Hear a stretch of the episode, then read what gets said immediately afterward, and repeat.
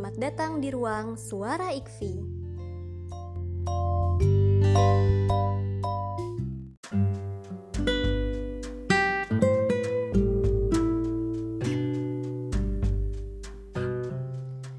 Assalamualaikum warahmatullahi wabarakatuh. Teman-teman, di podcast kali ini masih di sesi kolaborasi dengan orang yang sama, yaitu ada Kang Gilang. Halo Kang. Halo Teh. Eh, Kang, aku mau nanya-nanya tentang filsafat nih. Ya ya boleh. Soalnya menurut aku ya, filsafat ini cukup menarik untuk dibahas.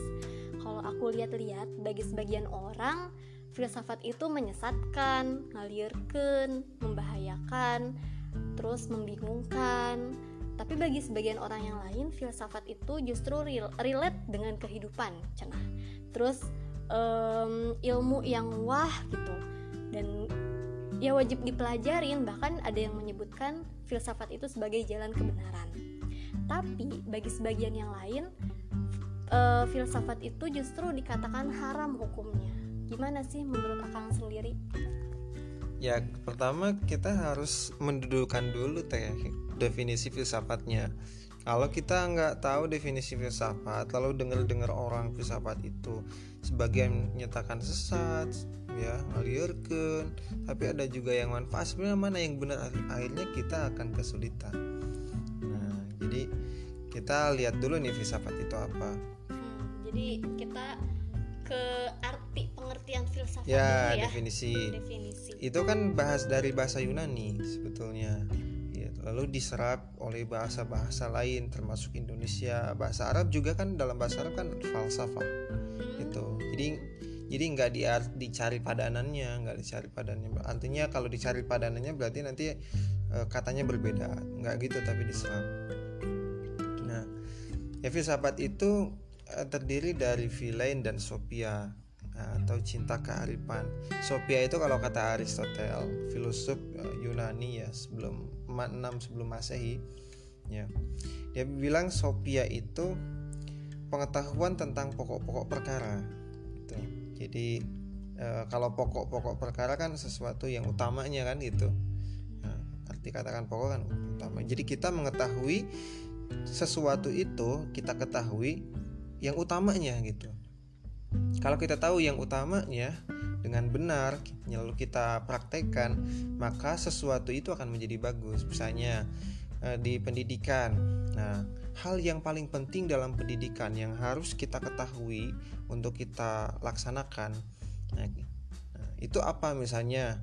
Oh, supaya pendidikan itu benar menghasilkan generasi yang bagus, kita harus menggunakan konsep adab nah, misalnya atau konsep tarbiyah atau konsep taklim itu adab tarbiyah taklim ini itu konsepnya seperti apa? Nah itu itu utama di dalam pendidikan.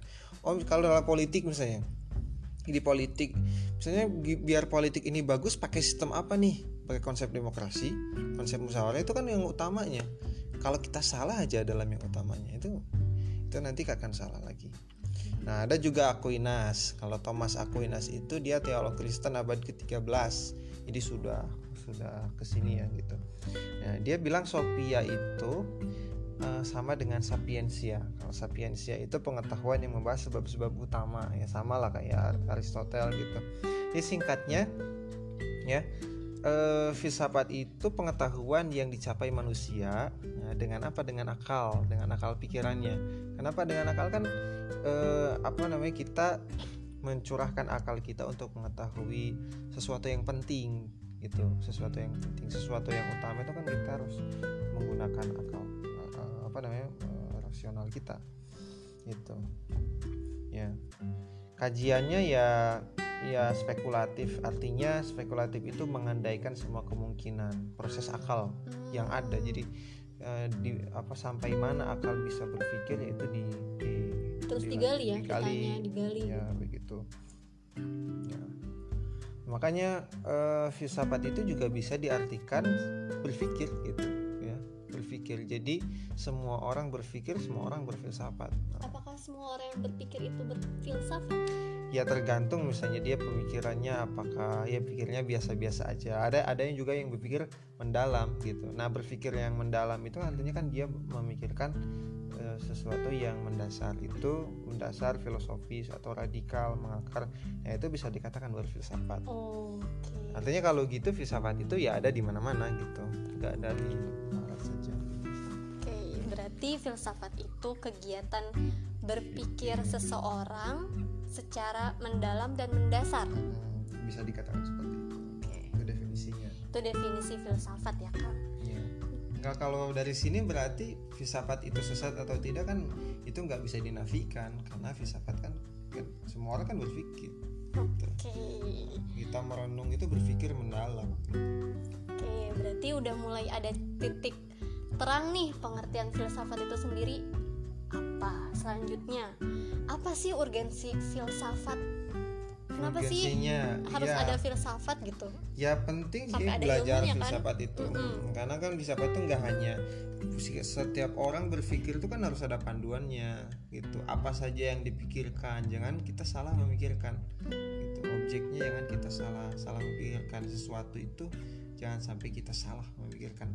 Misalnya kita malah memikirkan sesuatu yang nggak usah dipikirkan. Gitu misalnya. Tapi kan or ya, ya orang-orang justru memikirkan sesuatu yang seharusnya tidak dipikirkan kan? Ada yang seharusnya tidak dipikirkan yang tidak bermanfaat. Oke. Okay. gitu. tidak berarti sesuatu yang tidak dipikirkan oleh orang itu tidak bermanfaat ada sesuatu yang tidak dipikirkan tapi bermanfaat. Ada juga sesuatu yang tidak dipikirkan tidak bermanfaat. Nah gitu. Tidak bermanfaat bu, bukan saja tidak bermanfaat tapi e, bisa sampai menjerumuskan pada kekeliruan kesesatan e, ya dosa gitu ya. Ateis ya dan lain-lain gitu. Sebelum masuk ke tipsnya berarti ya. Berarti kan nah. itu nanti lanjutnya ke tips kalau misalkan kita mau belajar ilmu filsafat hmm. tapi urgensinya sendiri itu apa sih ya tadi kan penting ya pertama karena memang uh, filsafat ini sebagai sebuah proses ataupun dia berada dalam proses pencarian kebenaran. Artinya dia integral di dalam setiap perjalanan manusia di dalam menemukan sebuah kebenaran. Ya ketika manusia ingin memecahkan di dalam hidupnya sebenarnya dia berfilsafat. Itu kan integral artinya dia tidak bisa dipisahkan ya. oh, hmm. uh, maaf ya dipotong dulu hmm. berarti ada ungkapan filsafat adalah salah satu jalan kebenaran itu benar ya iya kalau dikatakan salah satu jalan untuk mencapai kebenaran ya tapi tidak hanya satu-satunya berfilsafat okay. nah ada juga kan uh, kan berfilsafat itu kan cuma berpikir aja gitu ya urusan mengamalkan kan itu beda lagi. Hmm. gitu ya. Ada orang yang berpikir ya tapi dia kalau nggak beramal ya nggak selamat juga. Gitu. Terus keyakinannya juga kan harus harus harus benar juga. Gitu. Keyakinan gitu. Hati akal dan perbuatan itu harus harus selaras. Gitu. Ya nggak bisa di gak bisa dipisahkan ya kalau dalam diskursus keilmuannya mungkin ada falsifah ya. Ada mutakalim ada sufi itu semua nggak bisa dipisahkan. Jadi falasifa itu jangan sampai filsuf jangan dalam Islam filsuf itu tidak memusuhi sufi. Sufi juga tidak memusuhi filsuf tidak memusuhi juga e, mutakalim artinya iman ilmu dan amal itu harus harus senantiasa sejalan gitu. Akidah syariah dan akhlak lah begitulah nah itu yang pertama. Kemudian urgensinya nih yang kedua. Uh, ya ada orang yang belajar filsafat itu ya karena ingin tahu aja kan gitu. Banyak itu yang kayak gitu. Uh, gue pengen tahu nih sebenarnya filsafat itu Tuhan itu seperti apa gitu ya. Dia dia pakai filsafat kan gitu. Nah di sini yang bahayanya lah yang apa ya cuma ingin ingin tahu aja gitu. Terus lalu dia nggak peduli belajar dari mana. Akhirnya sesat. Akhirnya mengatakan Tuhan itu nggak ada. Sebenarnya kita yang menciptakan menciptakan Tuhan bukan Tuhan menciptakan kita itu ada juga yang seperti itu. Nah ini yang paling bagusnya pentingnya belajar filsafat itu adalah untuk menguatkan argumentasi gitu. Jadi bagaimana kita berpendapat secara diterima oleh akal dan betul-betul kuat gitu. Ya benar dan kuat gitu. Jadi kebenaran itu disampaikan harus dengan dengan kuat dengan logis dan, dan diterima gitu dan lebih tinggi lagi kita menguatkan argumentasi keagamaan. Gitu. Jadi kita menyampaikan uh, Al-Quran, As-Sunnah, syariat itu kan tidak berlawanan dengan akal. Tapi tapi kebanyakan orang itu ya uh, apa namanya selalu mungkin lah uh, saya tidak menyatakan agama itu dogmatis. Tapi cara orang cara orang menye, me, apa, menerangkan agama itu dogmatis gitu. hmm. agama itu masuk akal. Agama itu uh, apa namanya wahyu dari Allah Subhanahu Wa Taala. Itu dapat dicermat dipak bukan apa sih dapat dipahami. Itu kenapa Allah Subhanahu Wa Taala menurunkan Al-Quran itu juga pasti uh, apa namanya dipahami oleh oleh akal. Untuk apa Allah menurunkan ajaran kalau tidak bisa ya dipahami oleh manusia? Nah nah, bagaimana supaya orang lain tuh ngerti agama yang sesungguhnya seperti apa. Apalagi kan kalau kita ngejelasin agama sama orang Kristen kita bicara Al-Quran wong mereka juga belum percaya Al-Quran nah gimana kan nggak bisa? Sama orang orientalis sama orang Yahudi itu kita bicara hari akhir begini begini Allah itu ada Allah itu maha gaib. Kalau mereka nggak percaya Quran gimana? Itu kan kita harus dengan filsafat mungkin sih itu kenapa paling tinggi ya intan surullah yang surkum gitu lah sabit akta artinya? Jika kita itu menolong agama Allah maka Allah akan menolong kita. Gitu. Jadi pragmatis ini selama berada dalam jalan kebenaran itu bagus gitu ya. Gitu ya ya uh, tiga lah mungkin. Tadi perjalanan intelektual artinya integral dalam perjalanan manusia dalam mencari kebenaran. Yang kedua eh, rasa ingin tahu aja gitu ya. Yang ketiga religius pragmatis lah gitu ya. Religius pragmatis untuk memperkuat argumentasi. Argumentasi terutama argumentasi. keagamaan. Oke selanjutnya kang. Uh, ini aku dengar-dengar nih dengar-dengar dan me melihat membaca itu ya. Kan filsafat itu banyak yang bilang menyesatkan. Banyak yang bilang juga apa filsafat tuh sesat nyeleneh gitu kan dan sebagainya. Sebenarnya aku balik lagi nih mau nanya apakah filsafat itu benar menyesatkan? Atau mungkin ada yang menyesatkan ada yang ada yang enggak seperti apa itu? Kemudian um, dilanjut dengan sisi apa ya filsafat itu haram. Ada yang bilang filsafat itu haram kan? Apakah? Uh, ya menurut yang pernah akang pelajari bagaimana itu ya memang ada problem yang dihadapi dalam mempelajari filsafat itu. Pertama bukan hanya itu ya problemnya pertama ada anggapan bahwa belajar filsafat itu rumit gitu. Oh filsafat tuh sia-sia lah gitu ya waktu kita. Buat apa belajar filsafat? Buang-buang waktu aja. Wong kita juga nggak ngerti kok gitu filsafat nah, pertama. Ada juga yang oposisi terhadap filsafat itu ya. nah, posisi ini biasanya kalau kita dengar itu suka pakai argumentasi Imam Al Ghazali Imam Al Ghazali itu uh, katanya me, mengarang kitab Tahafut al Falasifah jadi ke apa ke Artinya? kealfaan atau ke kesalahan? Kesalahan kesalahan kecelakaan kecelakaan kecelakaan kecelakaan para filsuf itu sebenarnya belum belum selesai itu baca Al Ghazali karena Al Ghazali itu sendiri berfilsafat Al Ghazali menggunakan argumentasi argumentasi yang filosofis. Beliau itu selain sufi juga seorang seorang falasifah seorang filsafat. Nah e, sebetulnya yang diharamkan oleh beliau filsafat itu uh, ada tiga ya tiga ajaran ya, yang membuat uh, kita itu sesat di dalam filsafat terutama filsafat Yunani nah gitu. Ya, misalnya dia bilang begini uh, meyakini alam ini kekal. Nah, satu. Jadi kalau ajaran filsafat Yunani ini ada yang uh, apa namanya doktrinnya meyakini alam ini kekal. Jadi alam ini tidak akan hancur. Itu salah satu doktrin dari filsafat Yunani. Ya.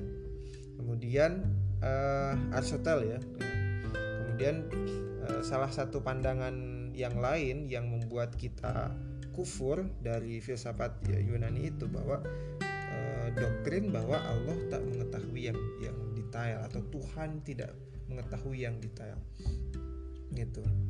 Nah jadi Tuhan itu hanya mengetahui yang uh, global saja yang global-global saja. Kayak kayak daun jatuh ya dari pohon daun apa daun apanya. Itu nggak diketahui Tuhan. sama Tuhan gitu. kemudian uh, apa proses metamorfosis gimana itu sampai detailnya itu nggak diketahui kalau cuma tahu yang global globalnya aja. Hmm. nah itu ada itu di filsafat Yunani kemudian yang ketiga yang kata Imam Al Ghazali doktrin filsafat Yunani yang membuat kita kufur itu ingkar pada hari kebangkitan itu jadi nggak ada hari kebangkitan setelah mati itu ya mati aja. Nah ini ini yang disebutkan tiga hal yang membuat kufur dari filsafat itu oleh Imam Ghazali begitu Imam Ghazali nggak menolak matematika nggak nggak menolak nggak menolak uh, fisika dan lain-lain. Itu kan matematika kan dihasilkan dari filsafat.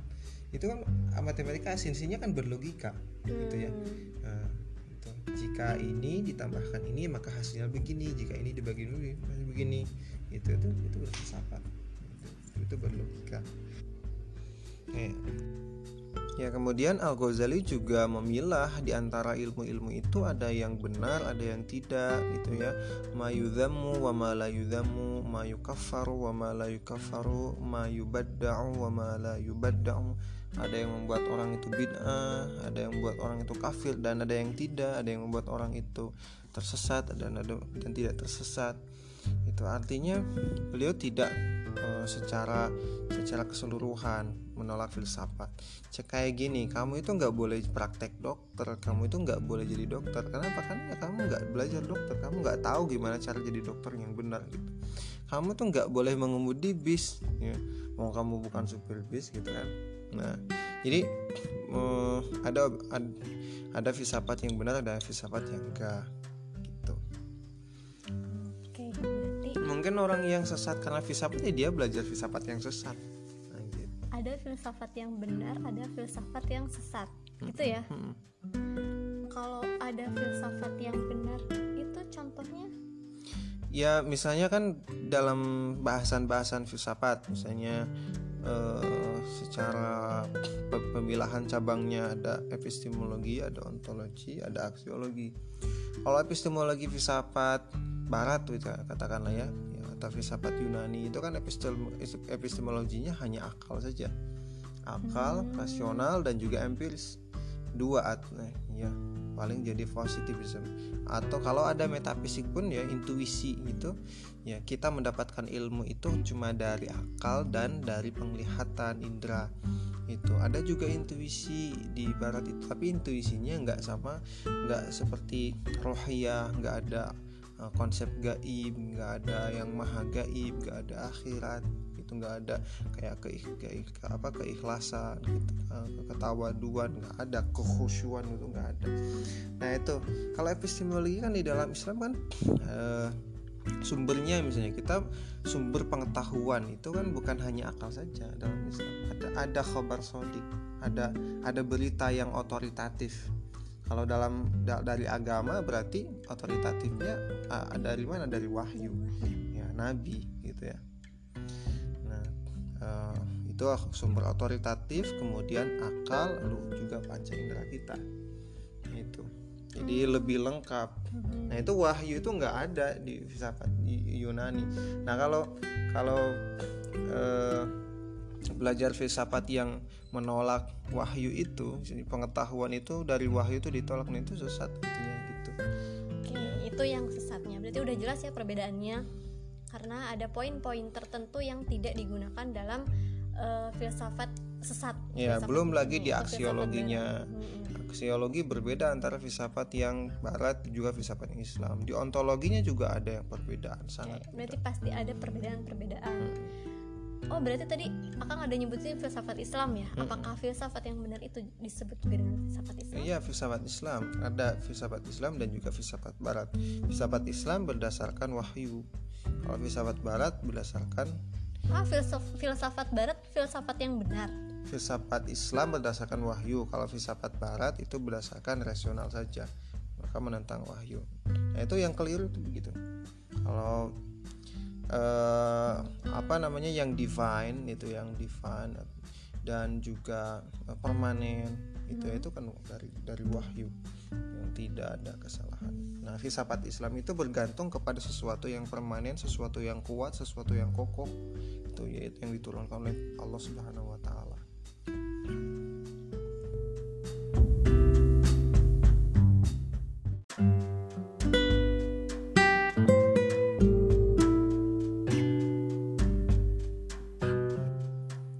Oke, berarti gitu ya Kang, ada filsafat yang benar dan tidak benar, sesat dan tidak sesat, sama ada yang manfaat dan tidak manfaat. Mm-mm, ya gitu. gitu. Islam yang benar. Islam yang benar. Oke, kalau gitu aku pengen tahu deh tips buat kita kita yang awam tapi pengen nih belajar filsafat gitu. Gimana sih atau nasihatnya, masukannya? Ya pertama kita itu harus memperkuat agama dulu. Jadi belajar filsafat lah nanti.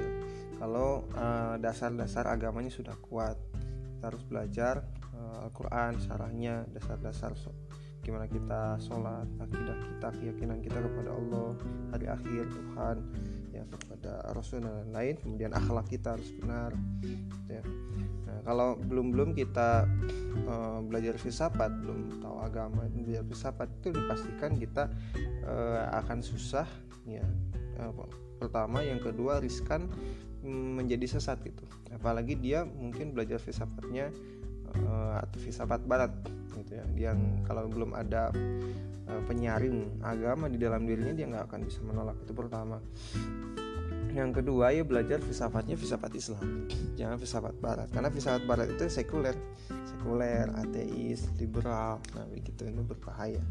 Nah, itu dua, dua, Ada- dua hal lah gitu. Ada eh, referensi nggak Kang buku yang cocok dibaca tentang filsafat Islam gitu atau mungkin mendengar kajian-kajian di YouTube Oh iya kalau kalau filsafat Islam itu kan yang eh, kontemporer ya kontemporer itu diformulasikan secara komprehensif lah sudah komprehensif sudah matang itu oleh Sayyidina Kibalatas. Nah itu kalau sebelum sebelumnya masih masih cenderung tercecer lah begitu. Nah bisa di eh, Prolegomena tuh metafisik of Islam bisa juga Islam and secularism ya dan lain-lain karya-karya beliau. Ah, dan juga murid-muridnya itu murid-muridnya yang mensyarahnya yang memperjelasnya gitu yang memperpanjang bahasan-bahasannya itu kajian-kajiannya ya bisa dilihat kajian yang tergabung kepada eh, insis ya. Kemudian eh, apa namanya ya dan dan kolega-koleganya lah gitu ya. Mhm. kolega-kolega insis itu murid-muridnya atasnya gitu. Itu ada di YouTube di Instagram juga. Suka banyak poster-posternya kalau ini. Tapi ya itu ya agamanya juga harus kuat juga. Gitu. menarik. Cukup bukan cukup lagi ya tapi sangat menarik tentang filsafat Islam barangkali nanti kita akan ada sesi selanjutnya ngebahas filsafat Islam itu sendiri atau mungkin tokohnya. Ya boleh. Karena Prof kan Al Atas. belum kepada bahasan-bahasannya kan belum. Gitu kita baru dasarnya lah gitu. Baru dasar perkenalan. kenalan gitu. Oke. Ya ada tambahan lain sebelum kita cukup menutupi? cukup. Ya silakan cukup. Menutupi podcast ini. Sekian teman-teman, terima kasih telah mendengarkan obrolan kami. Mudah-mudahan bermanfaat, mudah-mudahan tidak puas, dan mohon maaf apabila ada salah dan keliru dari kami. kalau podcast nggak ada pertanyaan ya? Enggak, nggak ada. Yo nggak apa-apa. Mungkin ya kalau oh, bisa gitu ya di komentar. Nggak bisa ya? Nggak ada ya? Paling nanti muncul di Instagram. Oh, muncul di Biasanya kalau- Instagram. Kalau kalau kita share ke oke. sosmed-sosmed. oh iya iya iya. Sekian, assalamualaikum warahmatullahi wabarakatuh.